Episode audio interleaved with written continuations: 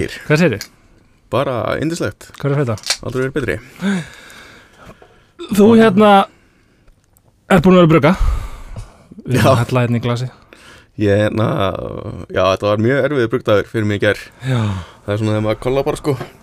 Varst að kollab í gær? Já, Nú, ég var að gera áramótabjórin með Borg já, ok. þetta árið. Smá þreyttur dagur í dag líka. Já, pínu, Já en ég er samt aldrei verið betri. Nei, hvað voru það að bruga? Herja, um, við brugguðum það sem verður um, rjóma í súrbjór Ok. með bananum, jarðaberjum og súkulaði Bara eins og bræðarreifur Basically, já, Næs nema ekki chunky. Sko, þú veist að þetta podcast er að fara að koma út bara eftir nokkra daga Þannig að þá ef þetta er leyndamál þá verður ekki leyndamál mikið lengur á dagana. Já, nei, nei, nei, þetta er, þetta er allt gútið ráð. Ok, þannig að Böl og Borg eru með áramóta bjórin mm Ok, rjómaís súr. Já, Gekkja. Og hérna, er komið nafn á hann eða? nei, ekki ennþá. Nei. Þetta er svo, þetta er svo erfitt. Við töluðum um í senasta þætti sko Gler versus 330 versus 440 millilitra dósir. Mm Í hverju verður þessi bjór? Í hverju, í hverju íláti? 440 ml dósum Ok Þetta er bara litla brukusið hjá Borg Já, þetta er bara, já, þeir eru Já, þeir eru bara þar í 440 bara stíft Já. eða svona, já, já.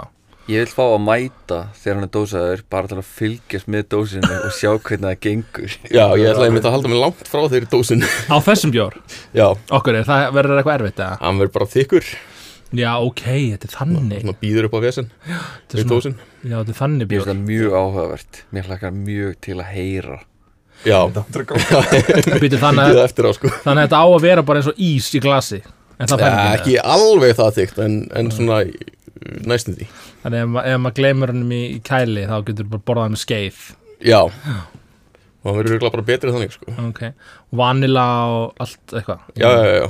Það er hérna Það er, er rettað ísmixi sem er bara svona uh, þurrkaði uh, já, íspúður sem þarf síðan að bæta við vatni og fytu Ok, til að búa til ís.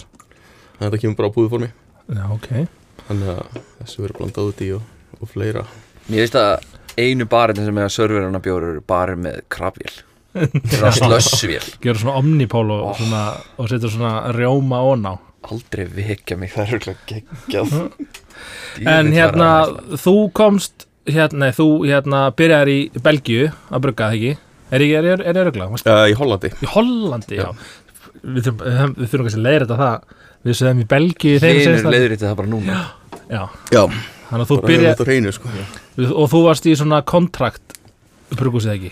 Jú, um, það var svona fyrsta um, brugvinna mín uh -huh. var hérna uh, sem bruggari í, í kontraktbruggusi Já. þannig að það var mjög góður skóli í bruggi um, það komum bara inn hérna, fullt af mismunandi uppskriftum. Mhm. og ég þurfti að skala þær upp og brugga fullt af mismunandi stílum. Og fyrir þá aðra einhver kom bara, þetta er bjóri minn. Mm Og þú bara þurftir að brugga nættur uppskrift Og nákvæmlega eins og eh, eigandi bjórsins vildi hann væri Já. Og lendur í því að brugga uppskrift Og hann var ekki eins og eða já, já, já, það var ekki hjá því komist eiginlega Nei. um, þetta var svolítið klikkað konsept sko, Nei. hérna við séum að voru alltaf heimburgarar að koma með 20 lítra uppskriftina sína Já, var þetta svoleiðis? Já, Það var ekki bara einhverju brúpöppar eða Það voru Nei, þetta nei, bara, nei. já, ok og hérna og bara, heyrðu, skalaði þessa upp fyrir mig í 2000 lítra Wow. og það er náttúrulega ekki hægt að gera það bara sinnum hundrað. Nei, og að að það komi eins út sko. Nei. Svo líka er, þú veist, þú veist við, þrýr hérna getum allir brugga nákvæmlega sama bjórin í sömu tækjum og hann er ekkert eins sko. Mm Hvað þá þegar þú fer með einhverja svona uppskrift sem að þú bruggar í bílskotum og skalar hana upp, skilur Já, einmitt. Já, ok, og þannig að voru þetta aðalega heimabruggarar að komu uppskriftir eða varst að gera fyrir einhver bara, einhver, einhver bara stórt brugghús þurfti einhverja meiri framleyslu og, Já, það var alls konar sko. Uh, Það voru líka þessi brúpeppar já, um, Já, með brugghús sem að voru að stækka um, höfðu ekki efni á stæri græjum en voru svona brúa bilið í hérna uh, eftirspurn. Mhm. Hvað Með ár þessu. er þetta? Þetta er 2016 Þegar svona að verða bara að sprengja í Evrópu Já, basically og þetta er hérna um, þetta var sem sagt fyrsta kontraktbryggúsið í Hollandi eða eina á þeim tíma. Já, veit ekki með fyrsta. Um, og einmitt, það var að vera bara kraftbjóra sprenging þar þannig að þá var allir fáránlega hvað sem er um þetta. Og það vantaði aldrei verkefni Nei. í þetta bryggús Já, ok, vá, ég held þetta, ég vissi ekki að þetta væri svona, að þú varst búin að segja mér frá þessu, ég vissi ekki að þetta væri svona heimabruggarar að koma, sko. Já, einmitt, Og voruð þið margir að brugga, varstu bara einn eða, nei, ég var bara ein, hana, lengst af sko. Þú varst bara eini í þessu? Já, og 2000 lítar tæki. já. Um, Ok, það var svona hérna í rauninni uh, fáránlegt bryggús Mm. þetta var bara fully automatic bryggús uh, ég stjórnaði þessu bara með tvo skjáir fyrir fram í tölvu um, og síðan þurfti ég náttúrulega að hoppa inn og hérna henda humlum í og eitthvað þannig en þú veist eins automatic og bryggús getur orðið. Um, en samt bara 2000 lítra. Já, og ok. þú veist svona automatic bryggús eru rándýr Já. eins og þetta var, þetta var sérsmíðað rándýrt bryggús Mhm. um, sem var síðan ekki með við það mikla afkastgetu Nei, með að koma að vill venjulega. Já, um, en hérna, já, út af því að þetta var svona tölvustýrt þá Mm. hérna var ég ofta að brugga bara 2-3 bjóra í einu ok. Og hvað voru þetta margir tankar? það voru 50 tankar í heldina 50 já, tankar? helmingur uh, gerðan tankar og helmingur brætt What? það var alveg, já, frekar styrlu framleysla sko 50 tankar bara Og einn brugari Já, og einn bruggari Ég fæði bara kvíða við að hugsa um þetta. Þetta var einmitt mjög, mjög, mjög góður og intens skóli sko. Menna, hvena, hvað varstu gamall á þessum tíma? þá hef ég verið 26 ára. Já, bara með 50 tanka í gangi, einn bara, já, vá, það var sem sagt hérna um, ég var fyrsti starfsmæðurinn hana. Hm. um, þetta, var, þetta voru tveir gæjar sem var stopnuð þetta. Einn var svona sommelier mm, og hinn var brugmeistarinn þarna. En hann hafði verið brugmeistari hjá Grolls ok, áður. Mm. þannig að hann hefði ekki verið inn í svona kraftbjóra senunni beint, bara verið að framleiða sinn lager sem átti alltaf að vera eins. Svona þessir hjá Innbýr, þeir, hérna, þeir gerði sér ekki grein fyrir framleið, framleiðslu erfiðleikunum já, sem fylgir því að, að vera, vera bjóða upp á um, alls konar mismunandi kraftbjór með náttúrulega fáránlegu fáránlegu innihaldi í Mhm. hvert skipti. Um, verið að bjóða upp á mismunandi gerðar flöskum fyrir hvern einn og einasta.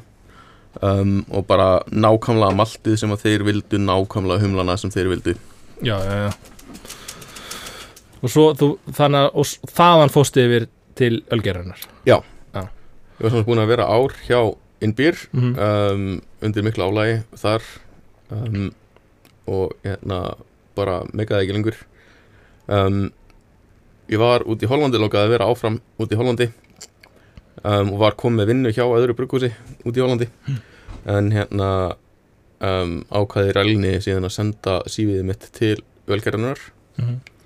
um, og þá voru þau einmitt að leita að bruggmestara til þess að sjá um ger hjá þeim ger um sjón bara, Sjá um ger var bara eitt starf sem var bara þá Af hverju varstu ráðin til að sjá um ger? um, bara út af því að germálin hefði ekki verið í standi hjá þeim það þurfti uh, að fá okkur til að koma inn og fókusa á það um, ég, var ekki, ég var ekki aðal burgmeistarinn var, ég var fjóruði burgmeistarinn inn Já. þannig hjá velgerinni en hérna en var sem sagt hérna um, burgmeistari in charge hérna af geri. Um, og það hefði verið hérna áður en ég kom inn hefði verið mjög hipsum haps hvað hérna hver bjór var að taka langan tíma að gerjast. Mhm. þannig að kannski gull var að taka allt frá 6 dögum upp í 22 daga að gerjast. Frábært. Sem alltaf engi leið til þess að reka stóra framleiðslu nei, um, á hérna bara staðlari vöru. Og þú fóst þá tókst þetta svolítið í nefið Já. og innlittir þá einhverja svona staðla til þess að gera þetta þá meira svona efficient Já, sem sagt hérna um, fann leið til þess að staðla þetta mm. um, þannig að í lokin þá var gull að taka venjulega 6-7 daga pluss mínus 1 kannski Mm. um, og hérna uh, allur ger búskapurinn orðin staðlaður Mm. ég var svona búin að setja inn leiðir til þess að maður gæti fundið út hversu mikið ger ætti að setja inn á næsta tank hvernig ætti að endur nýta það uh, hvernig ætti að viðhalda því. Um, og láta það batteri ganga eins vel og hægt er þegar maður er að díla við lífrana veru eins og ger. Mm. sem maður þarf náttúrulega í rauninni að svolítið plata ger til þess að búa til bjór. Og þú hefði þess að verið að stútir að gera þarna út í köpinn þá Já, var það, það var- náminu eða? það var náttúrulega í rauninni allt verkefni það var sem sagt hérna já, hvernig búum við til aðstæður? Þannig að gerið framleiði uh, etanól á mjög efficient hátt. Mm. um, þannig að þetta snerist allt um það að finna réttu leiðina til þess að beina gerinu inn á þá braut. Mm. Og svona fyrir þá sem eru að svona, að brugga og svona heima hvað myndir þú segja að væri svona svona, svona efficient leiðir, eitthvað sem að var eitthvað sem að þú lærðir sérstaklega í skólunum til þess að sem að hjálpa þér við kannski að að, að gerinu líði betur? Hérna, sem sagt, já, í þessu verkefni þá hérna sem sagt, settist ég niður og leitaði að mörgum mismunandi leiðum til þess að hafa áhrif um, á bara það hérna, hvað gerið er að gerja Já. um, prófaði margt mismunandi, ég prófaði að gefa því hérna, köfnunarefni prófaði að hræra í því sjá hvað, hvað það myndi hafa, ég prófaði að hérna, gefa því tífalt meira súrefni en venjulega, prófaði að gefa því ergosterol uh, alls konar steinefni magnesium uh, og zink. Og hérna, það sem að sem sagt, á endanum uh, virkaði til þess að búa til 14% bjór sem var svona svolítið markmið uh, verkefnisins var að gefa því magnesium og zink. Hvað þurftur að brugga marga laganir en þú komst að þessari niðurstu? það var alveg heill hellingur. Um, ég var sem sagt, þetta var sjö mánuða verkefni. Um, þar sem ég var að hérna, já, mest allan hérna, þann tíma þá var ég með svona tíu gerjanir í gangi daglega um, hver gerjun var tvær vikur þetta var svona hérna, cut-offið var eftir tvær vikur. Það ég fekk ekki að láta þetta matla á lengi. einmitt. Um, út af því að þetta átti að vera einmitt skilvirt líka. Um, þannig að þetta, Já, þessu heilbriða tímabili í rauninni. Já, Já, þannig að þetta eru margir tugir gerðina sko. Þannig að magnesium og zink í suðu er galdur til þess að já, það er ákveðið magic í því hvað, hvað þú veist, hver er við munurinn að nota og nota ekki svona þínum að um, það sem að hérna, gerir það mikilvægt er að hérna, við ætlum að fara alveg í grunna nördismann í þessu. Endilega. Um, þá sem sagt hérna, það sem er að gerast þegar ger er að gerja. Um, það sem sagt tekur inn sigrur, uh, glúkosa brýtur hann niður í etanól og kolsýru. Um, þetta er mjög flókið ferli uh, mörg skref í þessu og hvert skref um, þarnast enzýms til þess að virka. Um, og hérna mörg enzým þurfa það sem heitir kofaktor til þess að virka. Um, og það er ofta ykkur steinefni. Og ég komst að því að í rauninni hvert einasta skref í þessu, þessu glíkulísu ferli uh, sem þetta niðurbort er það krefst magnesíums eða zink uh, sem kofaktor. Ok, þannig að og þetta hefur þá bara þau áhrif á bjó, að bara með verið meira efficient gerjun? Já. já bara Heilbriðari gerðin kannski. helbriðari gerjun, já, kannski gott. Já, basically. Minni líkur á að að stolli. Já. og eitthvað svona, bara klári já, gerjun þetta gæti verið ástæða fyrir því eða stolli að það sé ekki nógu mikið af þessum steinunum til já, já, já, ok bara, Og þetta hefur- ger stressast eða eitthvað skilur, þú veist, það verður alltaf veist, það kom- koma skrítin offlegur og eitthvað svona það bara, mm -hmm. og þetta er eitthvað sem að þú tókst með þér þá bara í þína í þitt bruggunar bakpoka Já, þinn brugguna bakpoka bara Þú Já. gerir þetta bara þegar þú bruggar bjór Það er bara smá magnum sín Já. Smá synk Svona Já. saltbei Svona Já, svona að gefa þið næs að geta Já. Af því þú ert að Ég veit að þú ert að, að rækta svona ger eins og Mhm. þú ert að gera svona þína bjóra. Ertu þá, að set, þá setur ekkert þar Þú setur bara alltaf í sviðu uh, Nei, ég gera það líka þegar ég er að rækta. Líka í ræktun Já. til að hjálpa því að Já, Það hjálpa ennþá meira.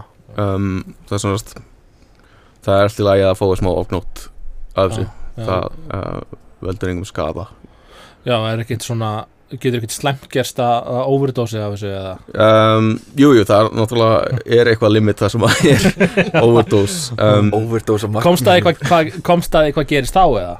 um, Prófar það? Já, það bara dreifir gerið sko. Já, um, ok. Bæði það og síðan hérna, þarf maður náttúrulega að vera að pæla í bragði líka Nota benni bjórin sem ég, sem ég bruggaði fyrir Mastersekernið var viðbjörnsluður Já, ok, bara því að það var svo mikið magnesium og zinka Nei, nei, bara út af því að þetta var bara einfaldar sigrur og varst ekki Já, það var ekki svona humlar í þessu sko. Nei. hérna, Nei, bara hann að pússa þetta upp á þessu limiti. Já, Ok, já. Um, en já, til dæmis að þú bara setur of mikið magnesium þá kemur metallic off-flavor í bjóriðin Og er þetta þá sem að er leyndamál í gull efficiency hjá Ölgeran eða? Nei, nei, nei, nei, það er allt annað, það er miklu stærra Já, ok. Um, Nei, ég veit ekki bara þetta. Bara, her, bara magnesium og zink stranga minnir Já. Nei, bara, þú veist, því að gull er með þarna fótapyrring.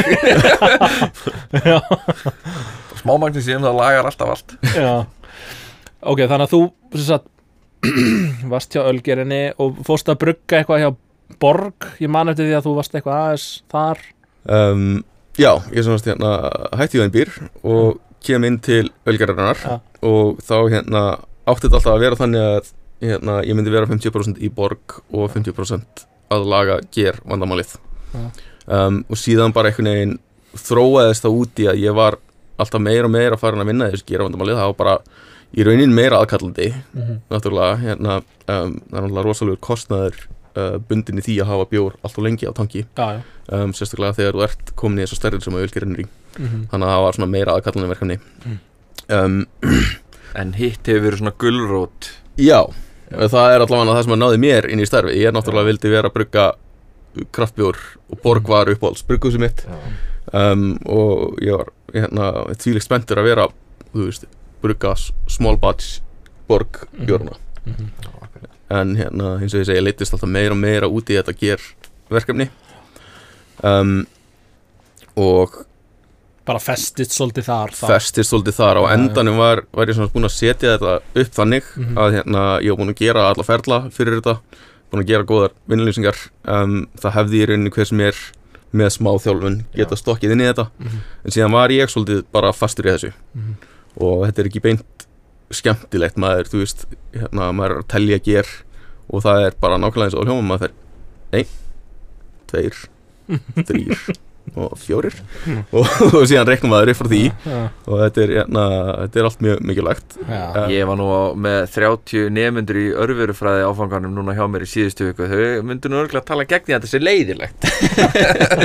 Já, ok, þau vilja kannski gera þetta í þrjú ár og tala síðan við mig. Við skulum ekki vera að íta þeim frá þessu alltaf þetta er kannski framtíðar talningamistarar þarna í, í ölgerinni Mjög skemmtilegt. Þetta er mjög, Mjög skemmtilegt skemmtilegt. fyrir ykkur krakka mínir. Haldið áfram að telja. Nei, nei, síðan, síðan var þetta náttúrulega komið út í það Þetta er hérna- leiðikjant kannski? Já, Já, en hérna, já, ég var komið með hérna, app sem að greindi þetta fyrir mér mér að segja eitthvað Já ok. þannig, þú veist, þetta var hérna um, en samt, þú veist, þetta, þetta var bara mjög mikið af því sama, Mm. alltaf. Og það hérna, hefur aldrei hendað mér sérstaklega vel. Til lengdar svona Já, ekki spennandi. Mm Og þú, fjek, svo varst að segja, þú fegst að þú fegst að brugga hjá Borg, er það ekki? Áttu ykkur að, áttu ykkur að bjóra hjá borg alveg hérna sem þú getur sagt bara eitthvað? Ég gerði það. þetta Já, nei, nei, nei, nei, nei. Um, og það er ekkert þannig í rauninni, þú veist, hérna, hjá Borg er þetta svo stórt heimi um, að hérna, uh, þetta er allt samstæðarverkefni Já uh, En hvaða bjórar, þú veist, þú voruð að búa til þegar þú varst þetta, þú veist Eitthvað sem að væri svona Var eftirminnilegt ekki Úlfið búin til að með það varst hana? Jú, uh, all télínan startaði Já. þá um, þetta var þarna um, þegar uh, Borg byrjaði á svona New England IPA Já. fasanum sínum. Já, um, að já, það var margt mjög skemmtilegt í gangi sko já, uh, og að gerast. Og hérna, það var líka svolítið leðanlegt fannst mér, þegar ég var á vöruþróunum fundum sko, Mhm. um, að ræða alla þessa teóriu en ég gat aldrei verið að brugga það síðan, ég gat aldrei verið með það í höndunum. Og það er veginn ég vei, vissi það er þannig sem að ég læri best. Veist, á því að geta verið á staðinum að geta þefað á hlutunum og, og séð á og, hérna, mhm, og verið virkilega að meta þetta mhm. frekar en bara að heyra af ykkur á, á fundi. Já, Hjaltin og lofsamaði Úlfei baku fyrir sensta þætti. Mhm. Þannig að þú varst með hendurnar í honum. Eitthvað? já, Já. Hérna, Það segir mér öll leini triksun og eftir þau slökkum Já, um leiðum við slökum þá yfirheyrum við hérna um Úlfei sem Þetta að er þetta er öðru sig heldur en eins og síðan það sem Var þetta ástæðan fyrir að þú ágast að fara út í þetta eigið? Já, svo stofnar böl. Já, Já. emitt þá hérna um, Það sem þú fegst bara að ráða öllu sjálfur. Já, uh, ég er sem sagt festist svolítið í þessu gerdæmi Já, og hérna bara sá fram á það að það myndi ekki breytast. Nei. uh, líka. Um, ég hafði svolítið talað um það að ég vildi gera annað en það einhvern veginn var aldrei pláss fyrir það bara. Nei. Þegar ég var komin í þetta. Um, þannig að hérna ég ákvaða að fara að gera eitthvað nýtt bara, Þetta eru svolítið stórar ákvarðanir þegar það gerði nýja bjórar hana þótt, veist, þótt að borg eigi kannski vera smá leiðandi í kraftbjóra sinnunni og er hefur verið það í mörg mörg ár. Það, veist, þetta er ekkert eins og hjá okkur, það er bara eitthvað, hei, nýr bjór þú veist, hvað Já. við til, hvað eigum við að gera? Þú veist, svo bara eitthvað, heyrðu, allt í henni komin einhver þú veist, pastry doppelupja já, þetta er Já. helgar hann að prósess sko. Þú veist, það, það, þetta þarf að fara í gegnum nokkur samþyggi áður en að já, já, já, já, Er það bara því að þetta verður svo mikið framleitt ef við getum náttúrulega kannski kannski getum við einhvern veginn fengið bara borgstrákan í þetta já Það þetta er miklu frekar að fá þá bara Já, kannski, já, já Í- þeir í vita þetta. það bara Já En svo stopnaður böl og með hverju varstu þar? um, Þú já, ég, ég svona stofnaði böl með hérna, félaga mínum Axeli Mm. um, og þetta átti fyrst að vera bara hérna, pínlítið verkefni um, bara svona gel til hliðar um, við ætluðum sem sagt bara að hérna, vera á litlum tanki að kúta bjóra Mhm. og selja þá hérna, nýri bæ Mhm. en síðan hérna, Breytist það? Þið gerðu bara dósir, út á COVID kannski. Já. hérna já, þá sem það sem gerist er að hérna vika eftir að við skráum fyrirtækið þá kemur COVID. Ég man eftir sko, það kom mynd af ykkur held ég eh, þegar þið gerðuð annars bjór sem var releasaður á Session. Mm var, það- var hétt hann Helios fyrsti björn ykkar Uh, fyrsti björn hétt Bombo Genesis. En það komið þrýr út í einu það Já, hérna, var já, Bombo já. Genesis, Svört Sól og Helios þeir í rauninni komið út cirka bátt á sama tíma. Já. Hvar voruð það að brugga? við vorum að bruka hjá Gæðingi. Já, bara, á, bara með tankolegu og... byrjaði þetta bara á einum tank eða fenguðu bara frjálst flæði, máttuðu bara Nei, hérna, byrjuðum á hérna, einum 600 litra, litra tanki bara hérna, lítið að nett og, og þægilegt Já. og, og næs uh, eins og ég segja, ætliðum bara að vera að kúta ekki í neinu dósa vesinni mm -hmm. um, ætliðum ekki að díla á til að verða neitt Nei. það batteri Nei. um, og síðan náttúrulega bara að lokar allt og það vil engin kúta Yes þá verður það okkur til haps að það er náttúrulega dósa við hljókjaðingi sem við getum farið beint í mm um, þannig að við náðum að hérna rýráta bara þar yfir um, hlur og, breytast. Já, og hérna líka bara hérna við vorum með alveg fáranlega færan hönnuð. Uh, hann heitir Valli og er hjá Vodafone. Á hann heiðurinn að böl já, að að logoinu og, og dósahönnunni og, og, og- og því. Já, hann er því líkumestari já. og hérna til í að vinna fyrir bjór sem var okkur til hafs. Hérna, og þetta átti fyrst að vera hérna, náttúrulega bara, já, þú hannar logo fyrir okkur og síðan bara færðu hjá okkur og, hérna, og allir glæðir Þið raunverulega hagkerfi.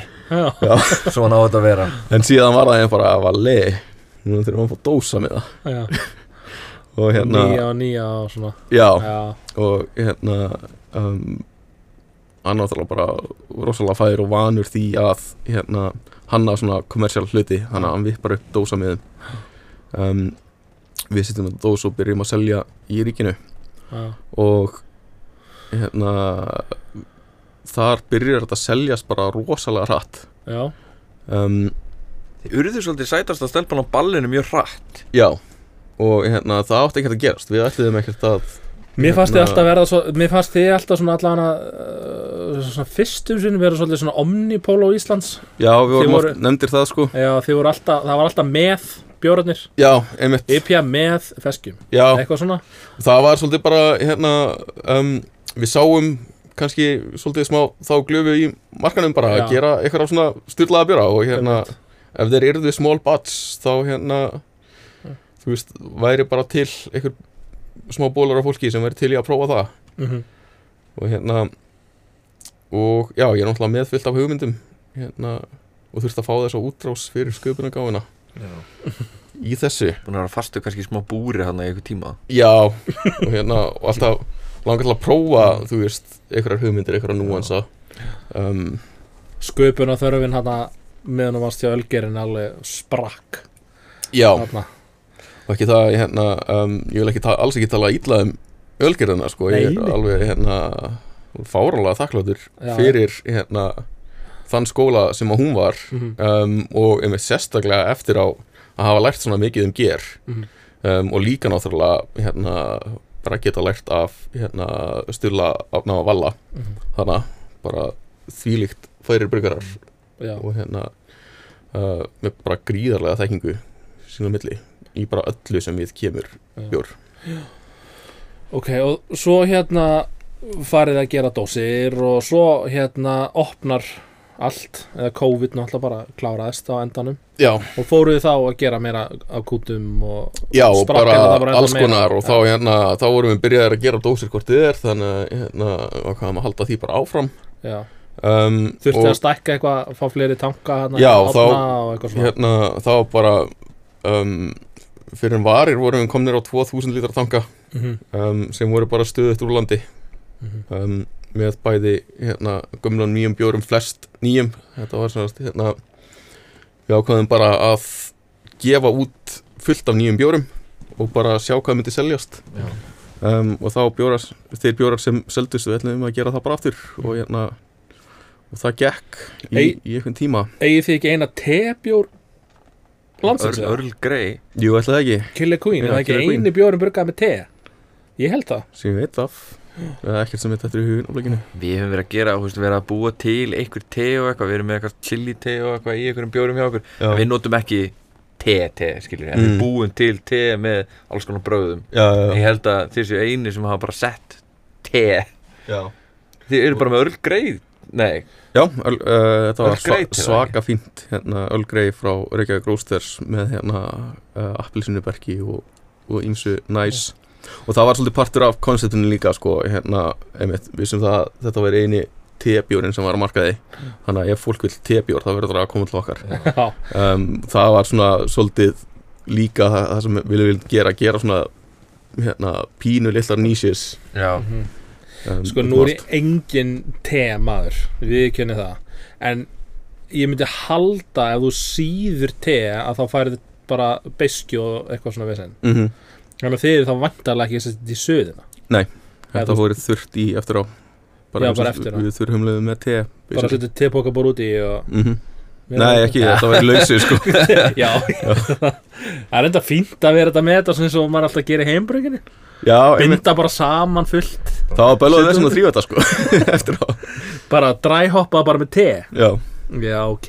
En við líka, hérna Við gerðum hellingspröfur Já, á þessi og hérna og hver væri besta leiðin til þess að koma te Bragðinu í bjórin Já, við prófum að, þú veist, sjóða, við prófum að vorbula Já. uh, og allt hannig og, og komum síðan að því að þetta væri besta leiðin til, að, til þess að ekstrakta ekki tannin já, um, úr því og við vorum alltaf að, sem sagt, við heimabrygguðum alltaf koncept já. fyrst. Þið eru alltaf tilruna eldhús bókstaflega eða ekki? Mm Og þar eru þið að prófa allt þetta áður en þið farið sem sagt í þessi, í þúsund litra tankana. Já. Það ertu búin að burga bara heima hjá þér bara, prófa hvernig þetta bræðkoncept Já. uh, kemur fram sem að kom sér mjög oft vel. Já, um, til að mynda hérna uh, session IPA sem við gerum uh, sem hétt Ljúflingur erum með appelsinu berki Og Sabró og Sabrú Já. Hjalti, ekki fan á Sabró Ég hef þetta sé Sabró. samt Ég hef þetta sé samt eini bjórinn sem að náði næstu því að snúa mér. Það var ógeðslega góður en ég bara leiði því smakkan og bara Dammit, finnur Sabró, það er kannski næs En hann var mjög næs Já, Ég er eiginlega að, þú veist, það er ekki gaman að vera gamli kallinn sem er að öskra á skíin sko. Nei, Það er ekki gaman sko. Þannig ég er að reyna að kingja þessu stolti. Þið eh, hjá Böl notuðu svona mikið af mest kontroversial humlónum það eru Sabró og Nelson. Þetta er svona rosa mikið love or hate eða ekki? Jú, sennilega. Og við elskuðum þá þannig að við notuðum ég það. elska báða humlana, það er eitt Já. sem ég er að vinna með ég held hann, hann er bara svona finnst bara góðu bjór góður sko. Og hann, það bregst ekki. Ef ég leiði hann að smakka eitthvað sem er með Nelson í þá er hann bara eins og hérna gamli afinn í fósbræðurum sko. Hvað, er, er þetta er þetta, eitra fyrir mér? Er þetta Mandela hann að humallin hann helviti í þessu? Ótrúlegt sko. Og ég hef oft verið bara uh, svona testan sko, tjekka þessu.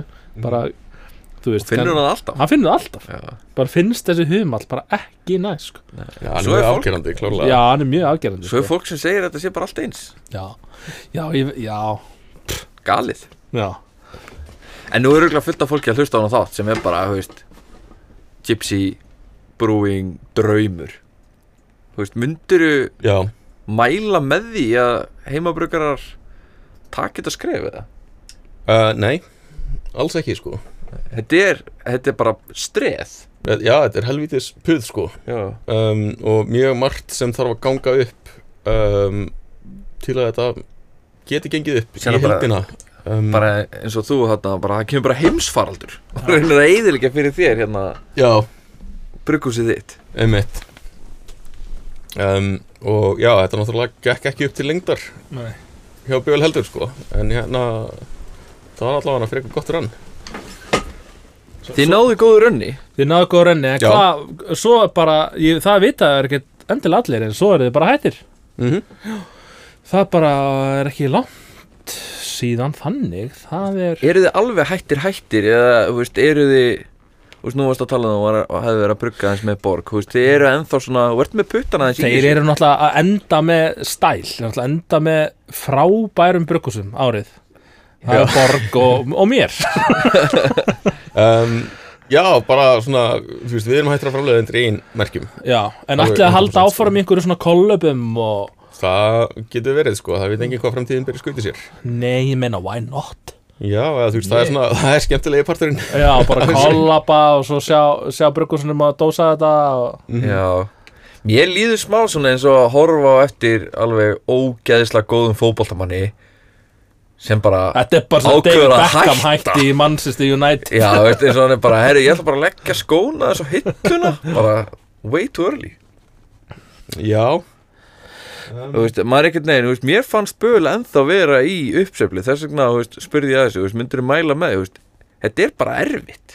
Já, algjörlega og hérna um, mér var svona kannski svolítið ítt út úr þessu um, bara svona hægt og sígandi.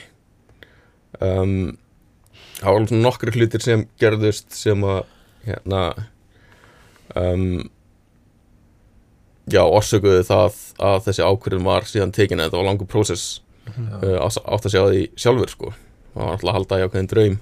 Já, bara streð og eitthvað svoleiðis Já, einmitt, og þetta er sko hérna, Bara hark. þetta er hark um, Þetta er dýrt. dýrt, þegar maður er að leia þá, þú veist, fer bara rosalega stór partur á marginni í leiguna Já. og síðan er maður að díla við hæstu áfengisgjöld í heiminum. Einmitt. þannig að það er hinn helmingurinn. Um, en hérna Ef að Bjarn er að hlusta þá bara þarf hann að, veist, það er honum að kenna að böl hætta að brugga bjór heyrur það Bjarni? Þú veist, það bara, la- bara þú veist, svona fyrirtæki þurfa bara að fá afslætti og hjálp bara til að halda áfram. Veist, þetta, mér finnst þetta bara að vera þetta er bara glatað að einmitt þurfa að vera að díla við hæsta áfengisköldi í heimi og geta það ekki verið að gera veist, heldur hvað er verið að skera frá okkur bara bara þú veist, bara svona bjórnörda. Mm Já, Já, og þú varst Umrætt. eini Varst ekki eini starfsmáðurinn á launaskrá? Jú, hérna uh, einmitt, sem sagt, Axel hérna, hann tók sér aldrei laun og það var vitað um, og Valli var náttúrulega að fá borgaði bjór bara Já. sem var líka, þú veist, ekki í lægi til lengdar. Nei, uh, þú veist, við vorum að gefa honum helling af bjór en þú veist, það nær bara ákveði langt. Já, og þú getur ekki gefið bennum með þínum bjór að borða nei, nei, miður nei. þannig að hérna já, ég hafði lítið en eitthvað uppur þessu sem var ekki að fara ganga til lengdar heldur, sérstaklega ekki með alla vinnina sem fór í þetta. En síðan hérna var það líka þannig að það var bara að fara að ganga svo lengi sem að veist, það var bara mikil pressa á þessu. Og hérna uh, það þurfti bara alltaf að hafa fótinn á petalum um, og það var eins og hérna ég fóð bara í stóra aðgerð og þurfti að vera frá í mánuð Já. tæpan. Og þú veist þá náttúrulega bara beðið alltaf með hann. Já, þá um leið kom smá dip um leið að kom smá dip þá fór maður að missa momentum og þetta snerist í rauninni og snýst held ég um það bara að halda momentum gangandi ef maður ætlar að vera í þessu. Já. Það er nú svakalegt högg eða bara einn mánuður fer það ef, En það var svakalegt högg ef einn mánuður greinilega? já, algjörlega. Um, og þannig að ég svona sá þetta bara að þú veist um, að þetta myndi þurfa að halda þannig áfram með þessari pressu Já. svolítið tíma án þess að neitt myndi gerast og það mátti aldrei neitt gerast. Þetta þurfti bara stöðugt að vera í gangi. Mhm. um, síðan er svona ímislegt annað líka. Það var hérna svolítið pyrrandi um, við vorum svona að nýta okkur það hjá átíðaferð það sem heitir sérflokkurinn eða hét sérflokkurinn. Já, og var svona hérna bara svona smá hérna, hliðarskref um, þar sem maður gætt komið inn með nýja já bjóra. að vera að hjálpa íslenskum framleiðendum að koma bjóri átíðaferð. Og það, veist, Já. það er bara vesen að koma bjórandi inn. Þannig að þetta var svona búin til smáflokkur sem að átti að hjálpa íslenskum framleiðendum. Já, það sem var ekki nýja mánuða byggtími Já, til að koma bjórunum inn og eitthvað þannig. Um, og við bara, við nýttum okkur annan flokk bara gróft. Þetta var, hérna, já, bara vorum alltaf að koma með nýja bjóra settum það inn í þannig sérflokk um, og fyrir það sem ekki vita það voru dreifingaskref hjá vínbúðinni. Þannig að hérna, oftast þegar maður er í kjarna þá byrjar maður í fjórum búðum eða eitthvað. Og síðan fer það eftir hversu vel bjórinn selst þá getur hann farið upp um flokk og upp um flokk og þannig að hann getur líka farið niður um flokk uh, ef hann selst ekki vel. Um, og þetta stuðu bara á það Svo það Um, er svona svo mikilvægt eins og við vorum að tala um þessu einstætti fyrir fólk að styrkja Íslands ja, veist, eins og þarna fólk horfir á eitthvað bjór eins og veist, bölbjór eða ónatúra eða eitthvað og það er svona, gerir bara ráð fyrir, já, hann er komin í vínbúðinu eitthvað en það þarf að kaupa hann til að Já. hjálpa hann að komast í fleiri hann bara búður og hent eitthvað. úr Já, vinnbúðinu droppa hann bara. Mm -hmm. Eftir að þessi flokkur datt út þá var sett upp eitthvað nýtt þá voru ekki einhverjir innflytjendur sem að fór í mál unnuða eða eitthvað, veist, en út af því að þeim fannst ósækjart að þeir gætu ekki gert það sama. Þannig kerfin var í rauninni breytt og nú taka þeir inn tíu bjóra bara í mánuði inn. Um, Já, þannig að þú getur sótt um og þeir taka alltaf tíu nýja bjóra inn í mánuði eða eitthvað. Mhm. ég skoðaði þetta, þú veist, einhverja tvo, þrjá mánuði þetta var allt bara einhverjir pólskir innflyttir lagerbjórar, veist, það er bara verið að hrúa bara einhverju innan íslenskra gæsalappa drastli inn Já, í staðin fyrir að íslenskir framleiðendur þú veist, séu með flokk sem þeir geta sett vöruna sína inn í. Já, þú veist, mér finnst þetta ekkert sangjart þú veist, þú keppir ekki við einhverja svona bjóra til dæmis í verði. Nei, við reiknum, við, ég man ekki hvaða bjór það var, það var einmitt einhver svona bjór sem kostaði bara eitthvað ekki neitt og við bara reiknum hann út frá bara hvað kostar það fyrir okkur að gera ódýran bjór ég bara setja bjór í dósi, kostar bara 130 Já, 40 það var bara ekki séns fyrir okkar að mattsa þetta sko. Já. það var bara ekki fræðilegur nema að tapa því sko. Þannig að þetta er bara já, Já, mér finnst þetta bara sorglegt með þessi kerfið mitt, þú veist, þú, að, það var einmitt, ég skoðaði þetta eitthvað þrjá mánuðir og ég held að við komið þrýr íslenski bjórar inn í þessi Mhm. kerfið, þannig 30 bjórar, allt bara eitthvað svona fjöldaframleitt commercial dót bara eitthvað frá austur-Evrópu á meðan að íslensku bjórundum voru ekki að komast inn. Nei, nei. Það er, þetta, þetta var kannski sangjarnara kerfi fyrir eitthvað fólk sem er, eða þú veist, fyrir eitthvað fyrirtæki sem er að flytja inn bjóra. Þetta var mjög ósangjarn, þetta var mjög mikið skref aftur og bak fyrir framleiðendunar í landinu sko. Já, einmitt. Þannig að þetta bara þetta kerfi gerir bara út á við þessi svona kannski minnstu brugghús það sem, að, það sem að kom fyrir okkur allavega þegar þessar kerfisbreyningar urði var sem sagt að þessi sérflokkur var bara með þrjú um, skref þar sem maður gætt farið úr fjórum upp í sex upp í tíu búðir, minnum mig. Já, um, og við vorum komnir með alla bjórun okkar eða langt flesta í þessar tíu búðir. Mm. og það hendaði okkur bara mjög vel þetta voru tíu stærstu búðirnar. Við erum náttúrulega litlu framleiðendur þannig að við hérna, þurfum ekkert að vera á eskifyrði um, þannig að okkur langaði ekkert að fara að herra en tíu búðir í rauninni það var bara fínt level til þess að bjórun okkar heldust alltaf ferskir og væri rúlandi og það er bara beint samband milli þess, þú veist, hversu vel bjórniðin mér dreift og hversu vel hann selst. Hérna, út í að fólk er ekki að fara í sérferðir um, til þess að ná sér í bjór, það fer í sitt næsta ríki. Já, og þá það sem að gerðist þegar þeir tóku sérflokk út var að hérna, þeir tóku bjórana úr tíbúðadreifingu niður í fjórar, þrjára eða fjórar. Þannig að hérna, þá kemur aftur stórt dip í, í momentum þar sem að hérna, þú veist, mikið af sjölinni er bara kipt undan manni.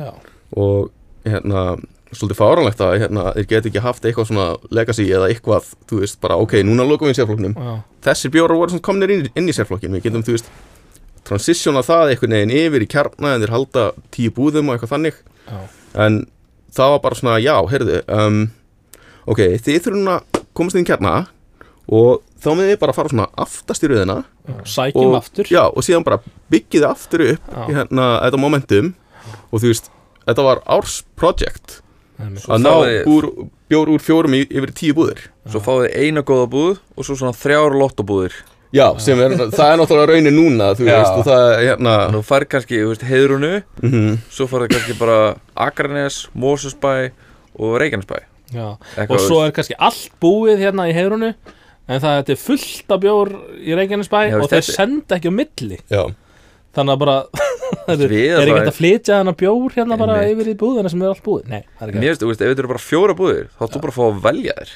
sjálfur. Mm sem maður gætt gert Já, í já, já þú fegst að svolítið, já, maður fekk að velja eina búð.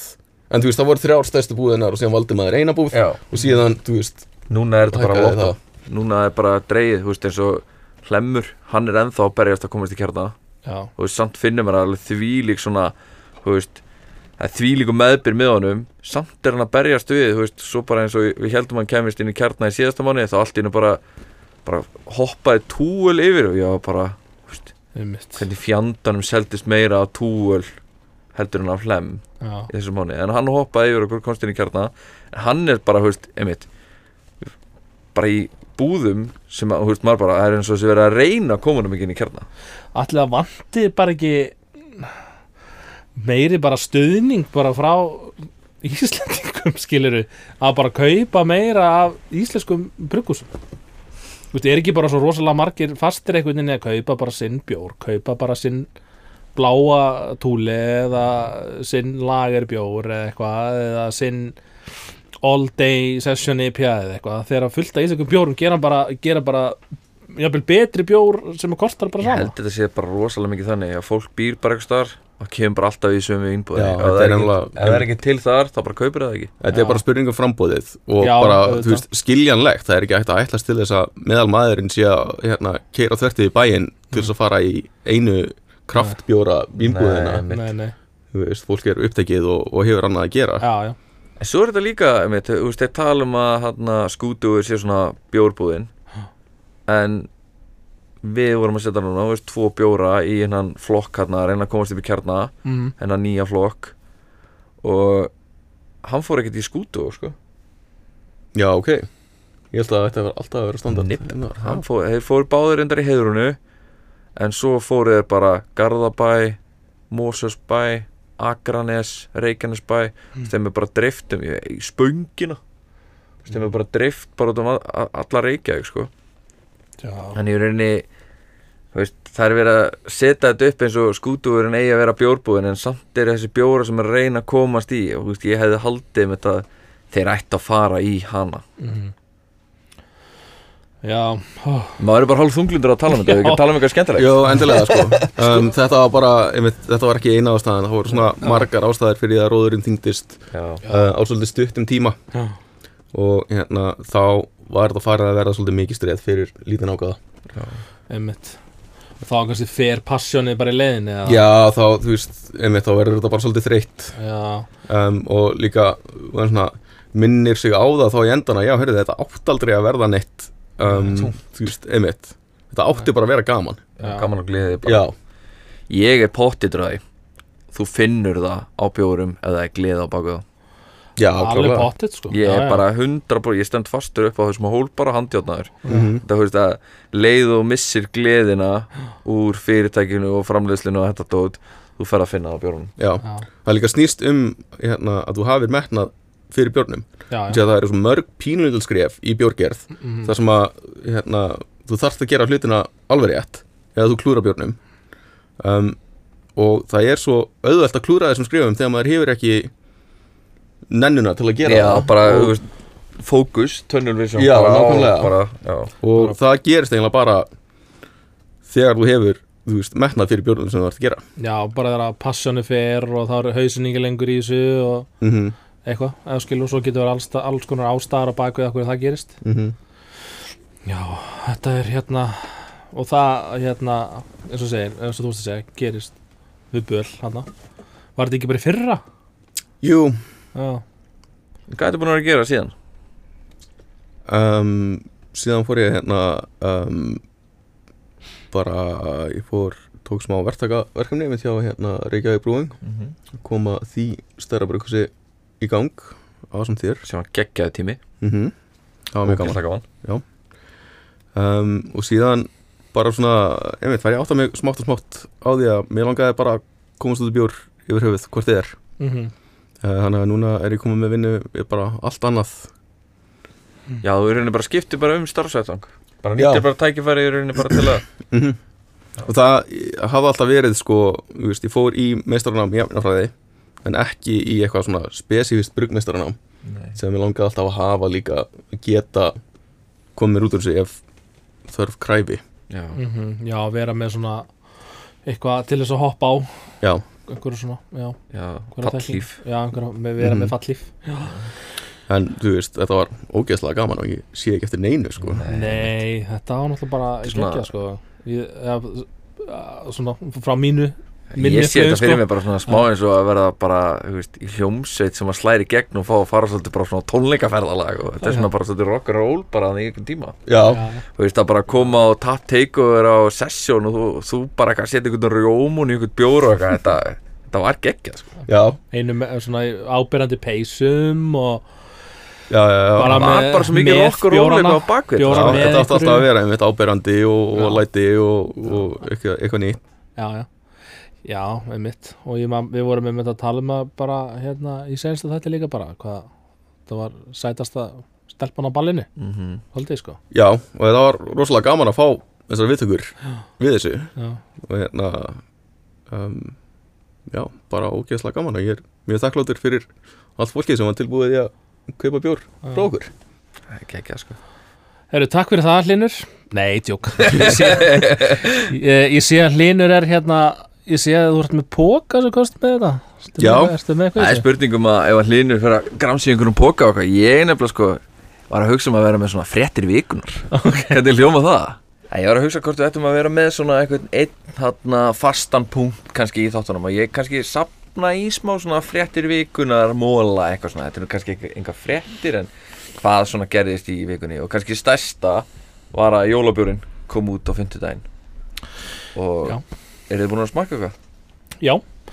Hvað ég smakkaði Jólasopa Mm Og hérna Jólatúborg. Já, geggjað. Classic. Bara í gær sko. Jóla hérna Já, Jólatúborg og Jólasopa That's it sko, ég er ekki búinn að fara í neina Alvöru smökkun sko Við fögnuðum hérna að jólabjörn komið verslanir hérna á fimmtudaginn, annan november og við tókum hérna heljarna smakk og hérna það sem að svona af stærsta kannski fréttin í þessu er að Giljagur kom ekki út í ár. Já, það ekki Ég held að séu rosalega margir sorgmættir, jafnvel brjálaðir. Er það barlevan bjórn? Já. Já. Það er sko, ég veit að, að þetta er hérna fullt af fólki sem ég þekki sem að þetta er bara veit ekki hvernig ég orða þetta er bara svona bara jólahefð hjá fólki. Fólk kaupir alltaf og er að sapna og eitthvað. Game upp í skáp. Já, ég sé fyrir mig núna stóra hvítölmálið hérna, aftur í uppsiklingu í hálgerinni að það verður fullt af fámönnum en háværum minnilhjótt hóp mjög reyður því að hérna, ég held að hann seldist ekki droslega vel en Gillegur nei, þú veist, ég er kannski partur af vandamann ég kefti mér alltaf tvo hverju ári. Mm. smakkaði einn og geimdi einn. Þannig að ég var alveg svektur sko. En Já, Það er svona, ég hugsa séu margir. Það er nú örgulega flestir svona Búin að taka eftir þessu Þegar þessi þáttu kemur út að hann kemur ekki. En þú átt núna marga inn í skáp Eitthvað, eitthvað lager. Já, eitthvað lager sko. Ég hef verið að taka þetta í jólabjórsmökk og svona hingað og þangað sko Svo smökkum við fullt af bjór og hann að ég sá einhverja umræði á Ölvís. Var einhver trúður á Ölvís að setja út þetta jólabjórana í ár. Og ég verð bara að koma fram á það ég, bara, ég er svo ósamála sko. Það sagði að vera lélegt úrval basically. Já, hann sagði að þarna væri ekki mikil gæði. Sko, nú bara segir þú okkur ölvís og þú bara getur verið bara fleimaður hérna Það í er podcastinu. Ég veist að ég er svo til í það sko. Tekur smá hita Já. Ég er sko, eins og ég sagði Ég nenn ekki að vera hérna Old man yelling at cloud En ég er bara ósámála Mér veist sko Já. Allt sem við smökkum í þessu smakki Mér fannst bara að þvílíkt góð gæði í jólabjörunum í ár. Mhm. Af því sem ég smakkaði. Og hann Bara shameless plug hérna Hurðaskellir í ár. Þetta er bara eitt, eitt besti bjór sem ég smakka lengi sko. Ógeðslega góður. Mm. Fleira í fréttum vikunar Ekki það ég sé að slúta þessu Já, á setja að keira á þetta. Fleira í fréttum vikuna Ég hérna, já, ég fór á Omnipolo Tap takeover Já, hvernig var það? Það var bara mjög næs Mm. Hanna Bara þvílíkt margir hann Bara þvílíkt stemming og tættist út bjór og það var hann Ég held að mesti munir núna var ferskur bjór. Ég fyrir omnibólu, býttu Nei, ég held nefnilega hann veist, þetta sé svona í fyrsta sinni sem maður fer á eitthvað svona erlend brugghús og veist, maður var að smakka veist, tveggja eitthvað Já, Þú veist, þetta var ekki bara eitthvað sex mánu IPA bara grafin upp á einhvern lagar eitthvað stað sko. Þegar ger, var ekki eitthvað Monkeys kollab hana Jú, Hvernig var það? Það var rosalega gott. Var þetta APA? Toppil IPA Mjög góður, já hann á Foggy Window. Ég kefti mér dós á honum. Smakkaði ógeðslega skemmtilegan hann að hrísgruna IPA mjög skemmtilegt. Svo hann að, já, fór ég gegnum þetta Fata Morgana, tveggja vegna. Ógeðslega næs. Mm.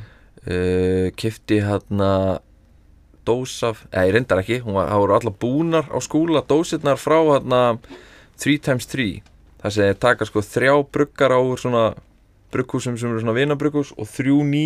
Þetta er með triljum og öðru hafa og eitthvað. Þetta var stærsta þurrhumlun sem hefur verið gerð hjá Omnipollo.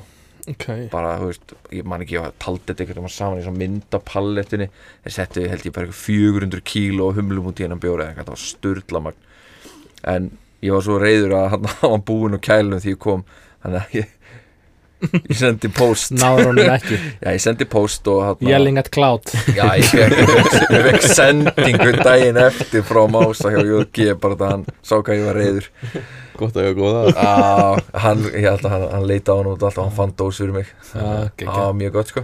Fór líka á hann að tapteikuður á Session. Já, já, þarna Steina, hjá Steina, Húsavík. Það er ekki bara gegja Það var geggjað, hann að Það er eins gott eftir, að búin að vera að tala um að styrka íslenska vöru Já, einmitt Einmitt. Fara Ég- bara ég- omnipólu Ég með þess að tók þetta óvart í öfri röð því við byrjuðum hjá Steina Við fórum þangað fyrst sko. og svo þegar við vorum búin að smakka hjá Steina þá hann að þá röldu við yfir á Omnipolo Hva- Hvað var, var ekki eitthvað eftirminnilegt hjá Steina? Eitthvað svona? Jú, það var eitt mjög skemmtilegt hann að ég smakkaði hann að á með mjög góðan IPA og svo var hann með líka mjög góðan session IPA og því ég sting nefin ofan í session IPA þá fæ ég alveg svona bara geðveikt speslikt ég bara, ég fæ, ég fæ bara smá svona wú, bara hvað hvað settur í þennan bjór eiginlega? Þá hann að lóta hann þennan bjór af mósækumlum og svo sem sagt sett hann halvert á blank út í hann líka til að ífa upp kattpíð í honum. Hmm. og það var eins og það hefði köttur mýið í björn þetta, ég sko bara hann var bara, já, það var bara that's what I was going var markmið hann náði því markmið, þetta var ótrúlega spes, en bjóri var mjög góður en það er bara, ég hef aldrei fundið jafn mikla kattapistlikt af neinum bjór sem ég finn Svo er hérna alltaf gaman að fara hjá Steina. Þú færð bjóra á því, þeim tap takeoverum sem þú færði ekkert annars þar hann er alltaf með dark mild og, og bitter og eitthvað svona. Já, það, veist, þetta er allt öðru sig Svona klassika Eða svona old school stíla svolítið. Mhm. hann er búin að vera að kenna þeim hann fyrir norðan á kraftbjór. Hann náði því og nú er hann bara farin að kenna þeim á stíla sem að sjást ekki venjulega. Já, já, sjást ekki á börum í Reykjavík og ekki neitt. Hann brennur svo heitt fyrir þessu sko. Já. Maður bara byrjar að fíla hana bjór þó maður Ég fíla hann ekki elska bara því að Dark hlusta, Mildina sko. þess og hann með einhverja jólaútgáfi núna sem hann setti sko ekstra mikið einhverju reyktum allt í þetta. Var bara indislegt Gekkja bara elska þetta. Það var mjög gott, svo er hann alltaf með hérna, einhvern hampjóra, hann er alltaf með eitthvað svona smá skrítið í blandu breskar klassikir og eitthvað, þetta var geggjað. Já, bara fullt af fólki og bara fullur hérna sessjónbar, bara rífandi stemning rífandi stemming. Snild, snild, hljóma vel. Ég sé hlinur að þú ert komið dósum á borðið. Já. Þetta er eitthvað frá þér. Um, Já, mér og öðrum. Um, Ég náttúrulega hef ekki verið að brugga böl bjór um, í svolítið tíma þannig að já, er rauninni ekkert þetta uh, því miður. Þú svona eins og Valli. Valli hérna, þegar hann sem sagt hættir hérna hjá Ölfursólti og fór yfir í Ölgerun og eitthvað, hann er með eitthvað svona, eitthvað svona fjarsjós histlugsta sem hann er alltaf að draga upp hérna Já, gamla bjóra sem hann hefur gert. Ég hef aldrei þólað að vera með það einhvern veginn, ég vil koma þessu út bara hratt og öruglega fersku og uh, Já, og hérna mjög þakkláttur fyrir vinni mína sem að hérna, bjóða þessu fram í því að, að koma þessu í ló að farga þessu Já. Um, En hérna Já, þannig að ég á ekki uh, böl, böl bjór en ég hef verið að kollaba og þetta er bjór sem að ég gerði með elvari í ölverk og heitir náttúrulega bölverk. Væntalega um, Þetta er hérna um, Þetta er smoothie súr með hérna rjómaðis bræðefni geggja rjómaðisbjórnum er eða fyrsti rjómaðisbjórn í, í ár en ekki svo senasti um, náttúrulega vel tengdur inn í kjörís fjölskylduna og hérna og með aðgang að öllum þeirra bræðinum sem Já. er ótrúlega skemmtilegt. Um, en við höfðum með þessum líka hérna ástraldin, ananas og mango. Næs og bara já, Þetta er bjór með. Léttur og þægilegur á ástasúr það verður alltaf að vera eitthvað. Það er alltaf að vera með. Þessi bjór vann hóla í árið það ekki? Uh, Jú, jável Já. ég held það. Já, ok. Við erum með winner hérna. Þetta er vinningsbjórin hóla. Hann komst allavega á pall. Ég held ekki að hérna hún fáum við post. Þú þarf kannski að segja fólki hérna e-mailadressun okkar svo það getur sendt okkur post ef við förum með okkur á þvælu. Já, e-mail okkar er bara bjórspjallið at gmail.com endilega sendi okkur þegar við tölum með raskatinu. Já, ég, við hérna, myndum öruglega að gera nóg af því. Já, ég held að þessi bjóra unni hóla í ár. Minnir ég að sé þarna að hann fór með hann að hóla og hrefti fyrsta setið það er rosalega mikil annars mm Rjóma Ég var ekkert að loka Loka Já. hurði hérna þegar þú varst að Rjómaís Já, rjóma ís. Ert þú svona eins og ég? Ég fekk ekki nóg mikið ís til ég var krakki. Um, Nei, Gera tvo rjóma í spjóra núna einu ári. Já, Já, Það, Fadir minn er sérstakur aðdáðandi rjómaís Já. Þannig að um, Ég fekk alveg nóg á honum. Já.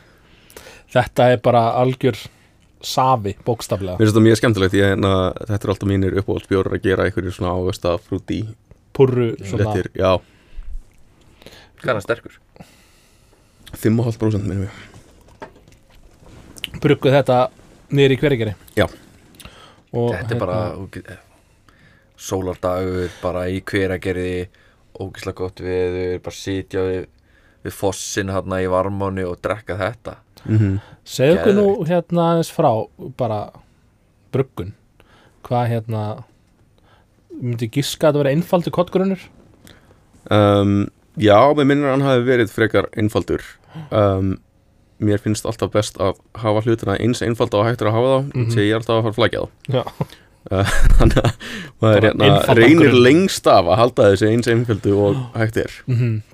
um, og mér finnst eins og maður nái langmestu út úr því að við erum að blanda bara grumalti í pilsnir eða peil síðan bara kveiti og höfrum en í mismunandi hlutföllum. Já, og þetta er örgulega bara eitthvað þannig. Ég hef verið að vinna með þannig grunn já, mjög lengi. Sé í súrbjörna en þá. Og marga aðra, þú veist, Já. IPA líka. Já. um, maður gerir það náttúrulega ekki í lagar en ég ger aldrei mikið á lagar með gera nú einn. Já, Trilltan, pun Var hétt hann ekki Viking Trilltur? jú, einmitt.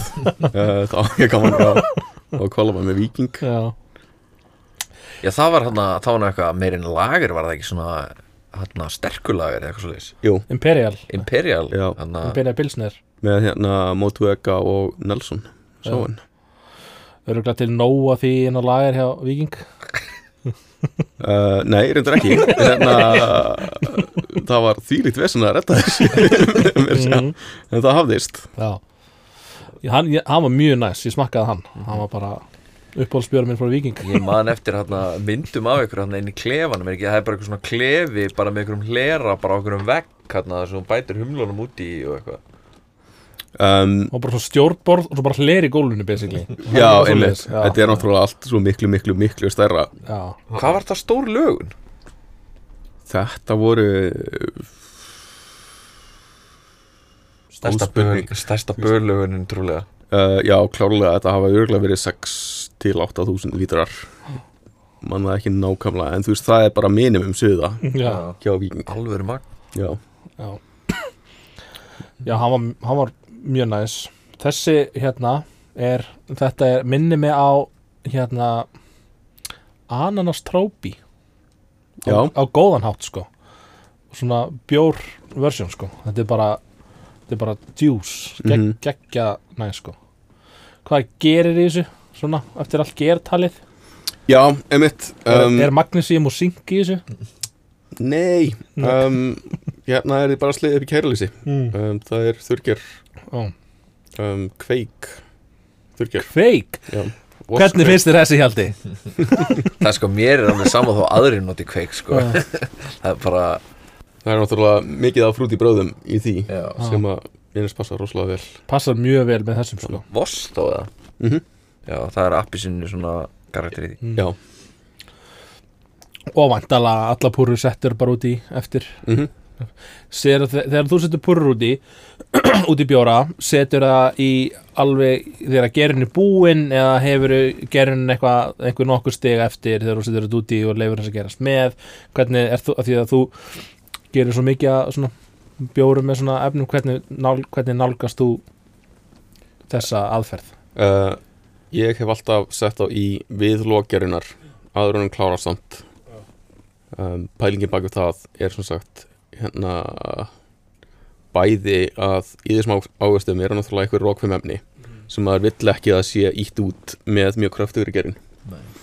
en það er líka hérna, náttúrulega í þessu púru er fruktósi sem er einföld sigra og svona ger meldir sigrur í ákveðinni röð eftir því bara hversu auðvelt er fyrir gerið að melta það.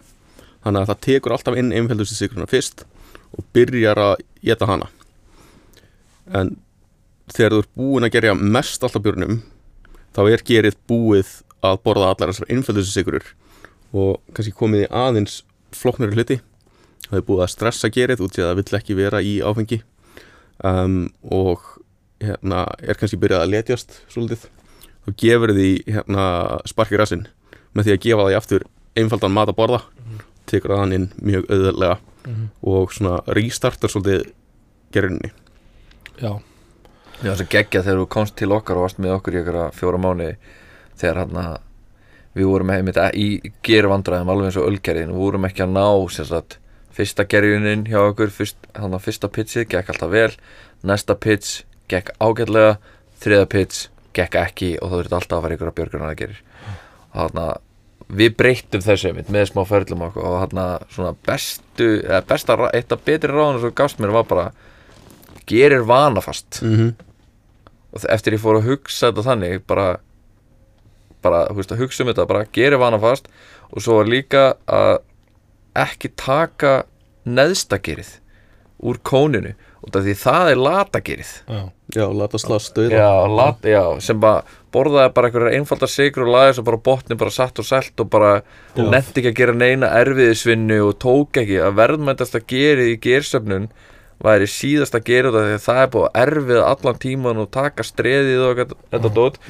eftir ég fór að hugsa þetta bara þessa tvo hluti að það bara, ég getur í pizza ég er að taka ákvarðinu núna hvenær ég ætla að kötta á gerið mitt.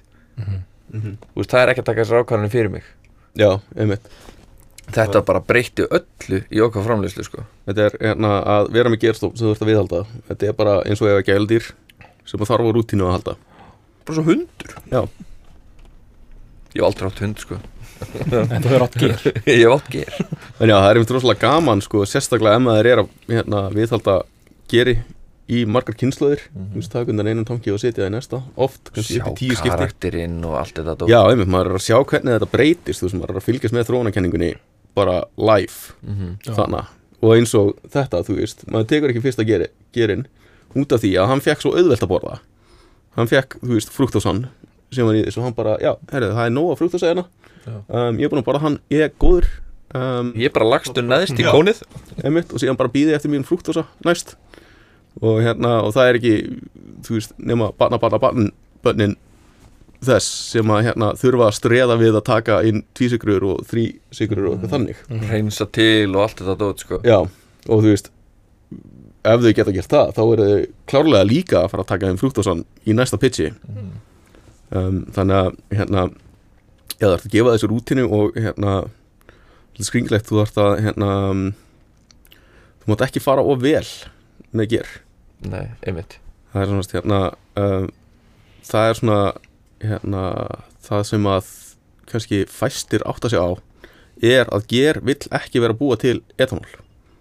Etanól er eitur og etanól er sem sagt hérna varnarstrategía fyrir ger sem það tryggar í rauninni bara þegar það er við loftfyrtar aðstæður. Þá hérna þá kannski hugsa það um, nú er maður að persónin gera já, mér finnst það geðveikt. Ég, ég ætla að vera ger á meðan hann segir þetta.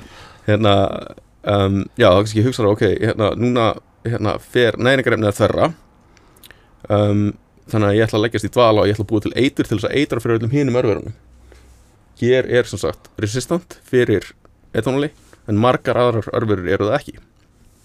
Um, en þú ert alltaf að fara í gegnum þennan fasa, þú ert að gefa því súrefni sem ger þarf súrefni til þess að fjölga sér. Og þú vilt að það fjölgi sér upp að einhverjum tímumúti en síðan viltu náttúrulega líka búa til etanól.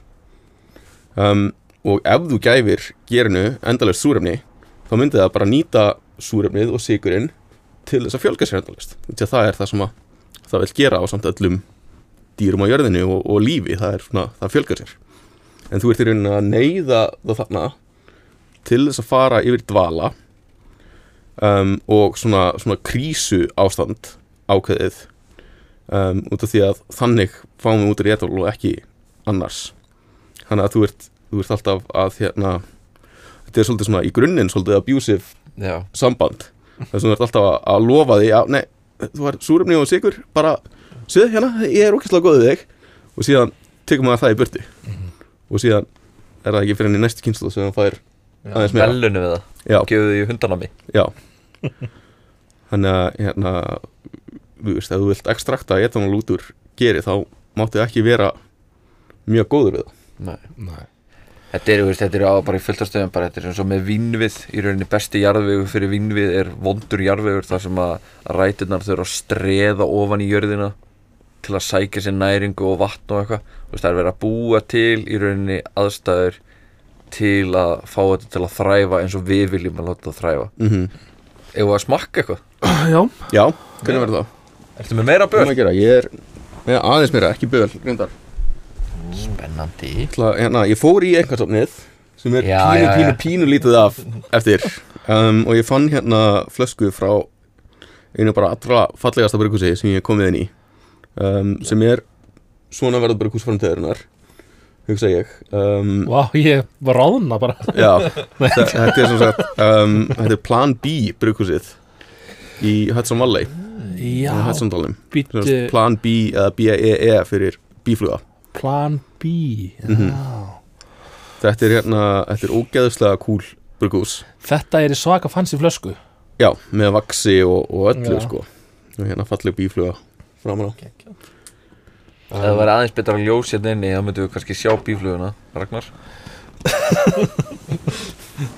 Það, það sem er ógeðslega cool við þetta brugghús er hérna uh, það er allt spontant gerjað. Þetta er á hérna Bóndabæ í Hötsandalum og það er sem sagt búin tilvirtur í hérna steinleis brugghúsi en það er eina steinleis jörnið í öllu brugghúsinu síðan er allt annað sett á tunnur til þess að gerjast. Og það er svolítið hérna um, svolítið bara svona random kultúr við haldið með því að halda kyrslu í brugghúsinu um, það er ekki ekki þrifið neitt með einhverjum hérna, einhverjum ógeðslegum efnum á milli. Heldur treysta menn bara á það að þú veist við loftfyrtar aðstöður þá eru ekki hættulegar bakteríur að grassera um, þannig að kúltunum er haldið svona bara lifandi og hann er alltaf að þróast um, það er engin orka í rauninni sem er notið við þetta og það er ekki kæling á töngum eða neitt þannig. Um, eini, eina kælingin sem er hana er sem sagt um, bara kælirinn baki barinn. Já, ok. Sem er hana því að uh, verða að servera bjórin kaldan þú veist, en það er bara á því stíi og það, síðan er þetta sett í flöskur og eftirgerjað á flöskunni og allt þannig. Og hérna það eru bíflugur á bóndamænum. Um, og bara þegar þeim vantar startir til þess að byrja gerinn þá bara taka því hunang og ég raunum bara allan fjandaðum fara um hérna bóndabæðin og pikka upp þú veist hvað næpur og graskir og eitthvað bara henda hérna úti og fá bara frá jörðinni ger og, og, og bakteríur.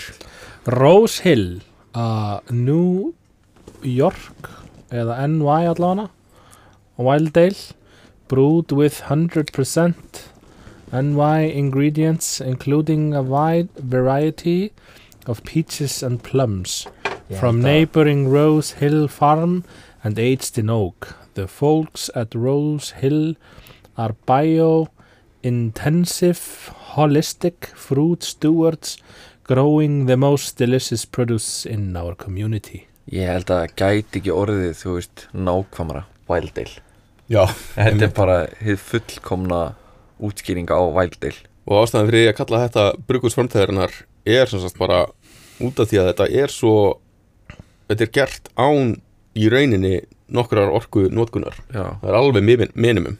Mm -hmm. þú veist eins og hérna um, lagarbjörnin sem við erum að drekka það verður ótrúlega mikil orka í hann bara út í að það þarf kælinguna og það þarf að halda mónokúltúr á tankinum og það þarf, þarf að hérna, þrýfa allt ógeðslega vel með, með bannvænum efnum. Einmitt. Um, en það er ekki vottur af því í þessu í rauninni.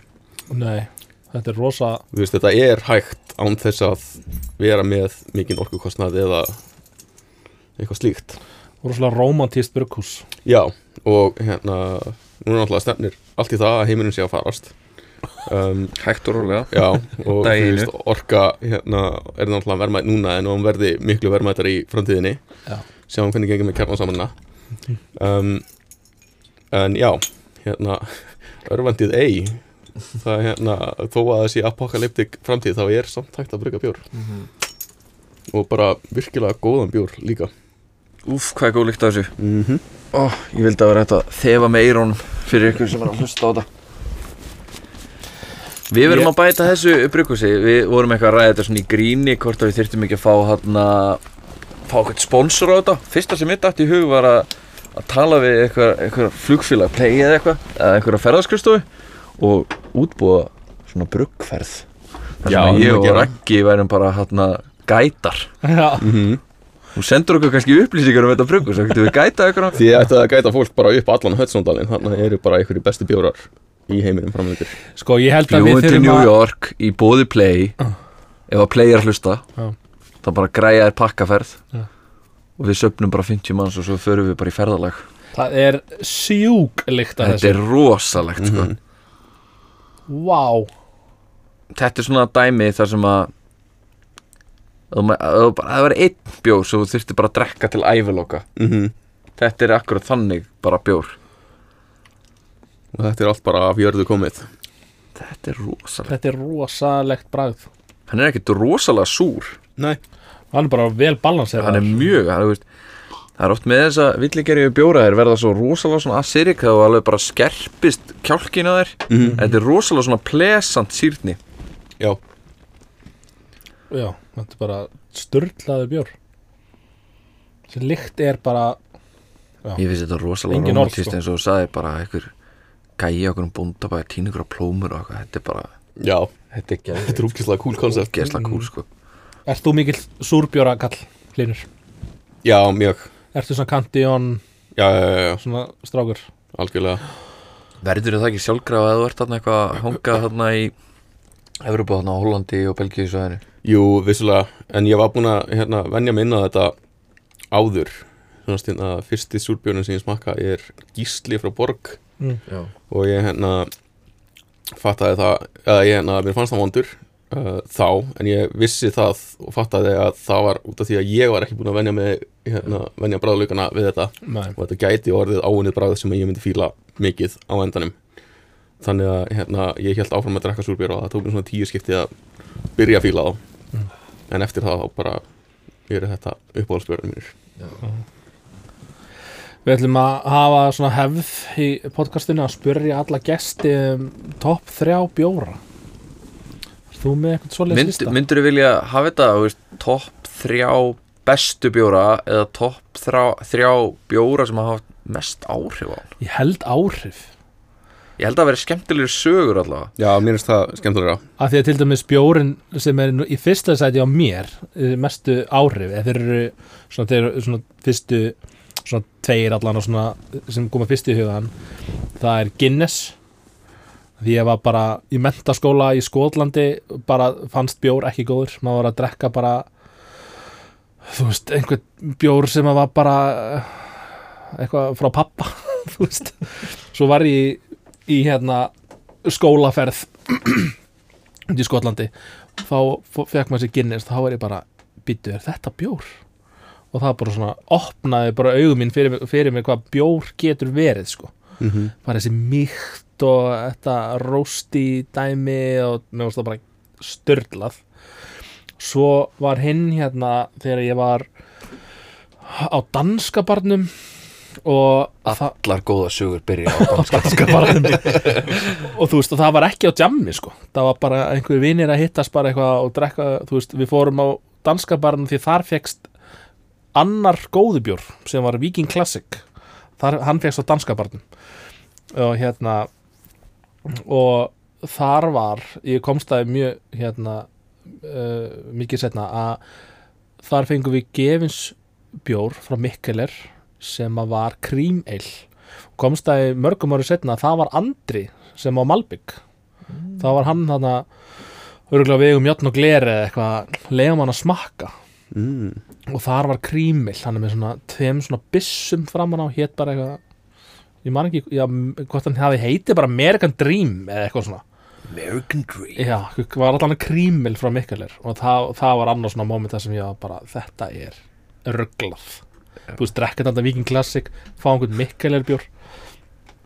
Þannig að já svo, þetta voru bara tveir? Ég veit að þetta er svona sem ég hugsaði fyrst. Ég var ekki með neitt planað sko. Já ok.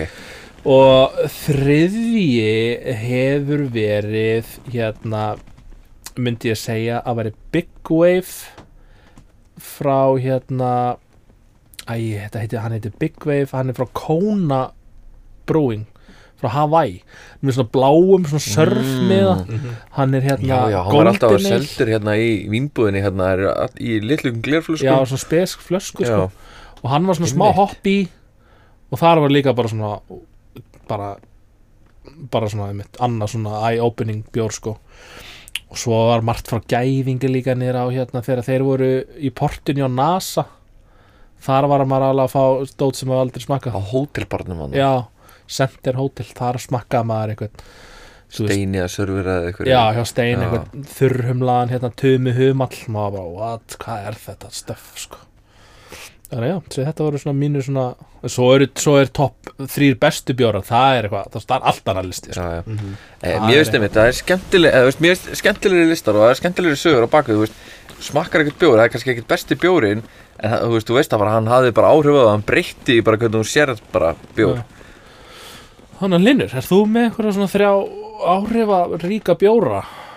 Já, ætli það ekki uh, Fyrsti sem kemur í hugan, klárlega svipuð saga og þú með Guinness Það var svona fyrsti bjórin sem opnaði augun fyrir því að það gæti verið annað í gangi í bjórin bara uh, eitthvað svona lager dæmi um, Það var hérna blond frá Afflikem sem er hér Hollands Brygghús Hefur verið Um. það út í, þegar þú varst út í Hollandi? Nei, hérna, það var áður en ég fór þangað uh, Ég kefti hann bara í fríumni Já, ok. um, hann var á einhverjum ástæðan þar ég, ég hef aldrei síðan setna það sko. Hann hefur verið vilt en ég var einmitt bara hérna, eins og hérna, stiltur Íslandingur að fylla upp í hérna, áfengiskótan minn á leiðinni heim frá einhverju útlandi. Um, sá þennan og hérna og var byrjaður þarna að smakka bjóra þú veist, að prófa eitthvað. Bara alltaf gaman að prófa eitthvað nýtt. En þú veist, það var þessi lagabjór og síðan þessi lagabjór og næsti lagabjór og maður svona ok, það er kannski ekkert mikið reyns þarna en þú veist, ok, ég var búin að finna mér minn uppáhalds lagabjór sem man ekkert hver var á þe- þeim tímumhundi en síðan smakkaði ég þennan og hérna um, bara þessi, þessi belgiski gerkarakter um, hann opnaði mér augun. Ég var svo ógeðslega hrifin af þessum frútibráðum um, Bubblegumið maður.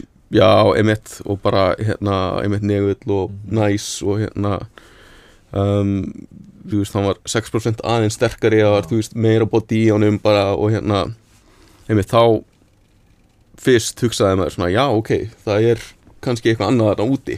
Leiði að koma smá body og eitthvað svona að þá drekkur sjálfkrafa aðeins hægar og þá nýtur bjórsenslinga aðeins betur. Ég Já. fann þetta með því að ég var að drekka þessa belgísku bjóra. Þú veist að bara leiði að koma aðeins áfengisprósenta, smá body og þessi, þú einhvern veginn þú sötar, eða drekkur hann hægar og nýtur hans betur einhvern veginn. Við, hérna einmitt, vorum alltaf bara í alveg klín lagarbjórum hérna alltaf á tímafyrir þú veist þannig á þessum tíma. Mm -hmm. og þú bara, hann, hann skólaðist bara beint af palletunni allt inni varstu komið ykkur að bjóra sem sátu aðeins í munnunum á þér. Já, emitt um, Já, næsti bjór um, Já, kannski meira bara svona smá tímabil. Hérna, ég svona uh, eins og við rættum um þá hætti ég þannig í innbýr í Hollandi. Um, og var búinn að fá vinnu hjá ölgerðinni en það var hérna tvekja mánuða tímabil þannig á milli sem ég tók mér bara frí og hérna skellti mér til bandaríkjana um, og hérna hafði verið í þannig ár að heyra frá þessum Legendary New England IPA sem það var ekki neitt á hann til í Hollandi. Um, og hérna maður heyrir, þú veist, einhverjar bara sögur á því að þetta er að vera það besta í heiminum þú veist, ég haf aldrei smakkað svona humlaðan bjór áður. Þannig að hérna, ég átti smá frítíma hana og vissi að ég var á leiðinni yfir til velgerðunar þannig að ég ákvaða að uppdata aðeins palatuna hjá mér hvað það var þar.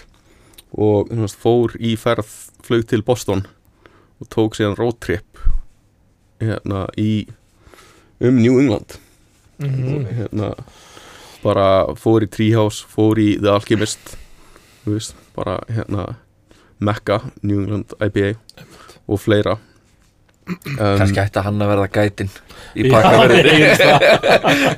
við fáum kannski að koma með bara og hlinur Já. gætar þessa Já, ferð já, Við verum bara, við verum bara með, bara já, já.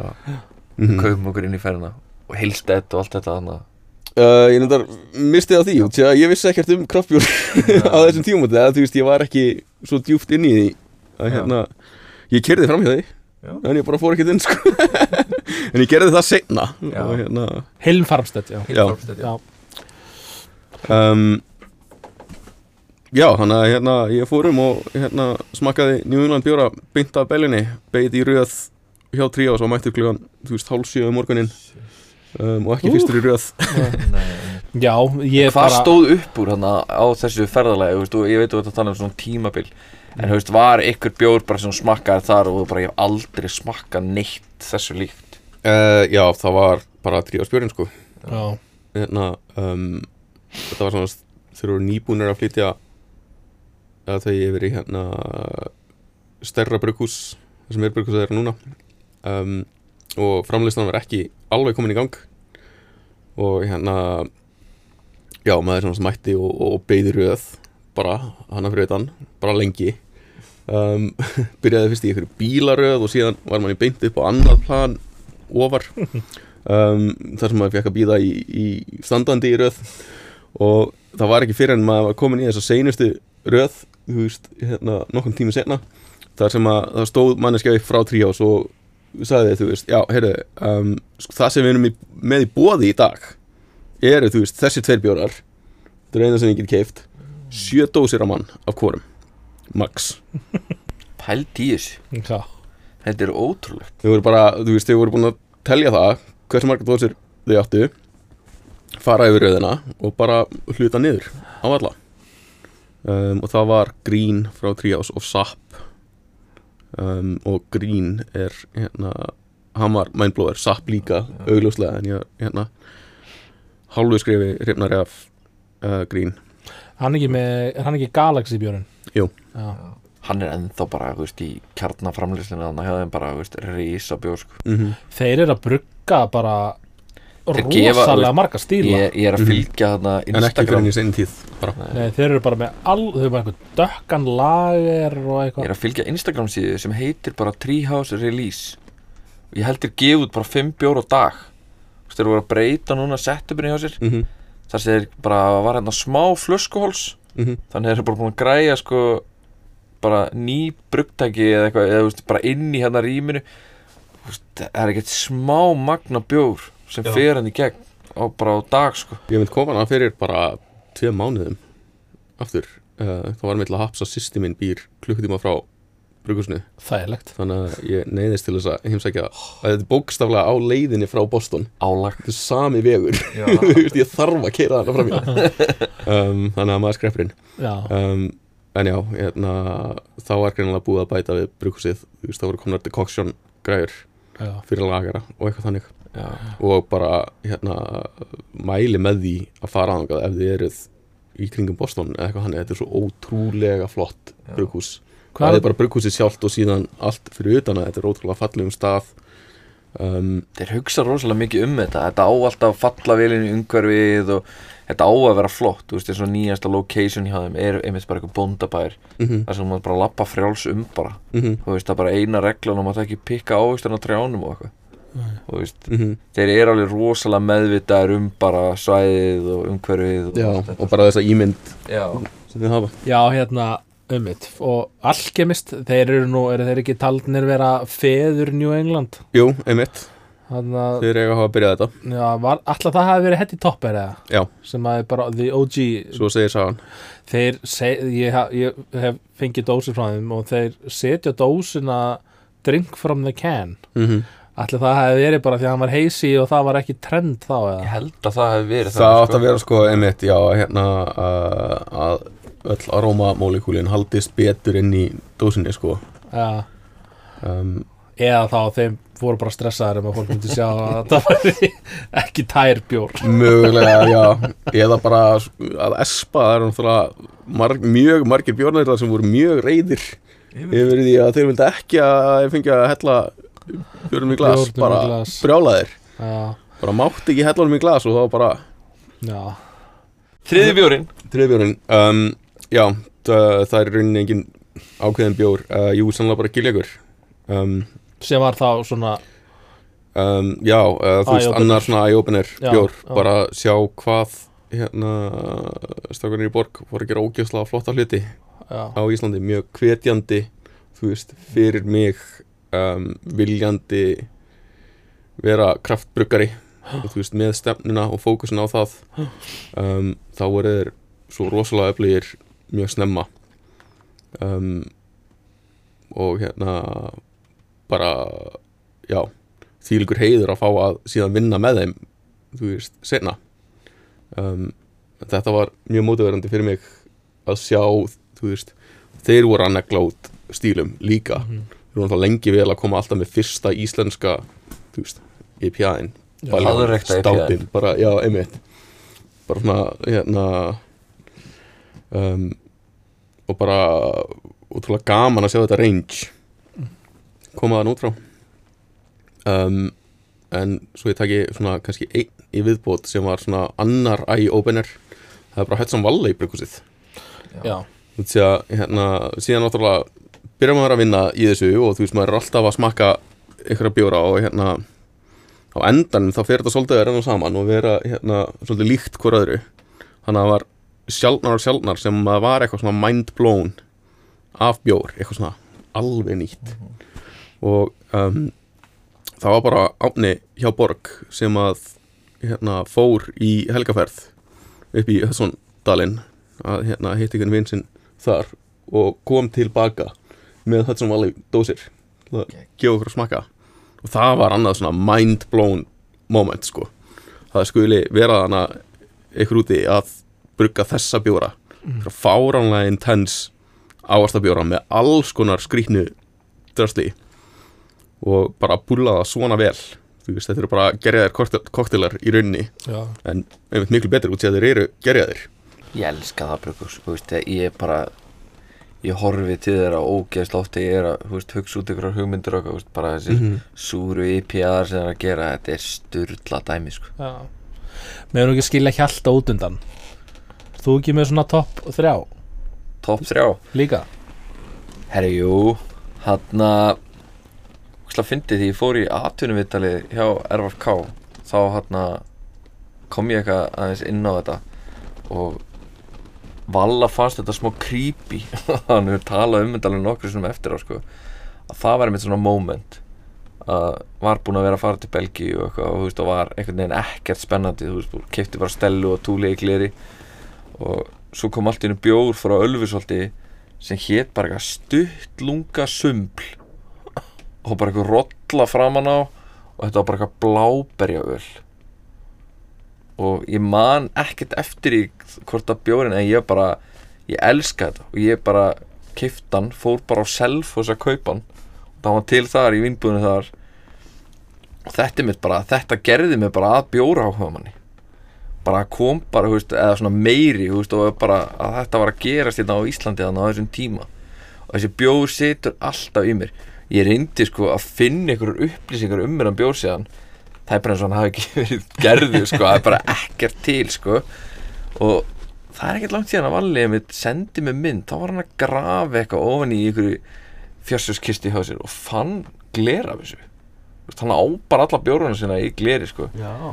Þetta er sko þarna var ég mitt bara ok, það, veist, það er eitthvað að fara að gerast hérna. Þetta er bara einn af fyrstu bjórunum sem að Valli gerir hann í Öllusolti og næsti sem að svona, þú veist, hefur bara einhver alveg massíu áhrif á mig var örgulega bara því ég smakkaði stellu af krana í brugghústúrðar 2006 eða eitthvað.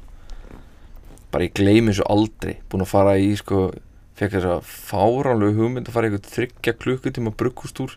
Þetta er að leðlast að sé ég gert sko. Bara þetta var ræðilegt bara þú veist þetta var svo langdreið og leðilegt og ég var bara. Komur sér inn á bar í einhverju vesti og með einhvern hjálm og eitthvað og fekk bara fullkomi pór af stelu af dælu bara og þetta er bara eitt besti bjór sem ég smaka þetta var bara þetta var alveg svona bara moment sem ég gleymi aldrei sko. Þriðji sem að hefur kannski haft ykkur áhrif á mig. Ætla sé ekki bara surtur, surtarnir það bara ég var að byrja að sapna surtum bara. Bara mitt veist. Hafi ekki heyrt söguna þegar að var hérna vínbúðin raðaði bara í hillunar einu svona dag. Mm og það þegar surturinn kom út þá bara setti bara einhver ein kip á þetta þeir held að þetta myndi aldrei seljast. Já, einmitt. Og svo bara fyllt á þannig að þú þurftur að koma margar ferðir. Já, og ætlaði að reyna að ná þessu sko.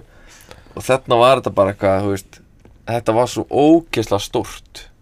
Bara þegar Mm. surtarnir komu í vínbúðina sko þannig ég held að já, surtur er eitthvað svona eitt svona líka sem að eru átt massi áhrif á mér sko.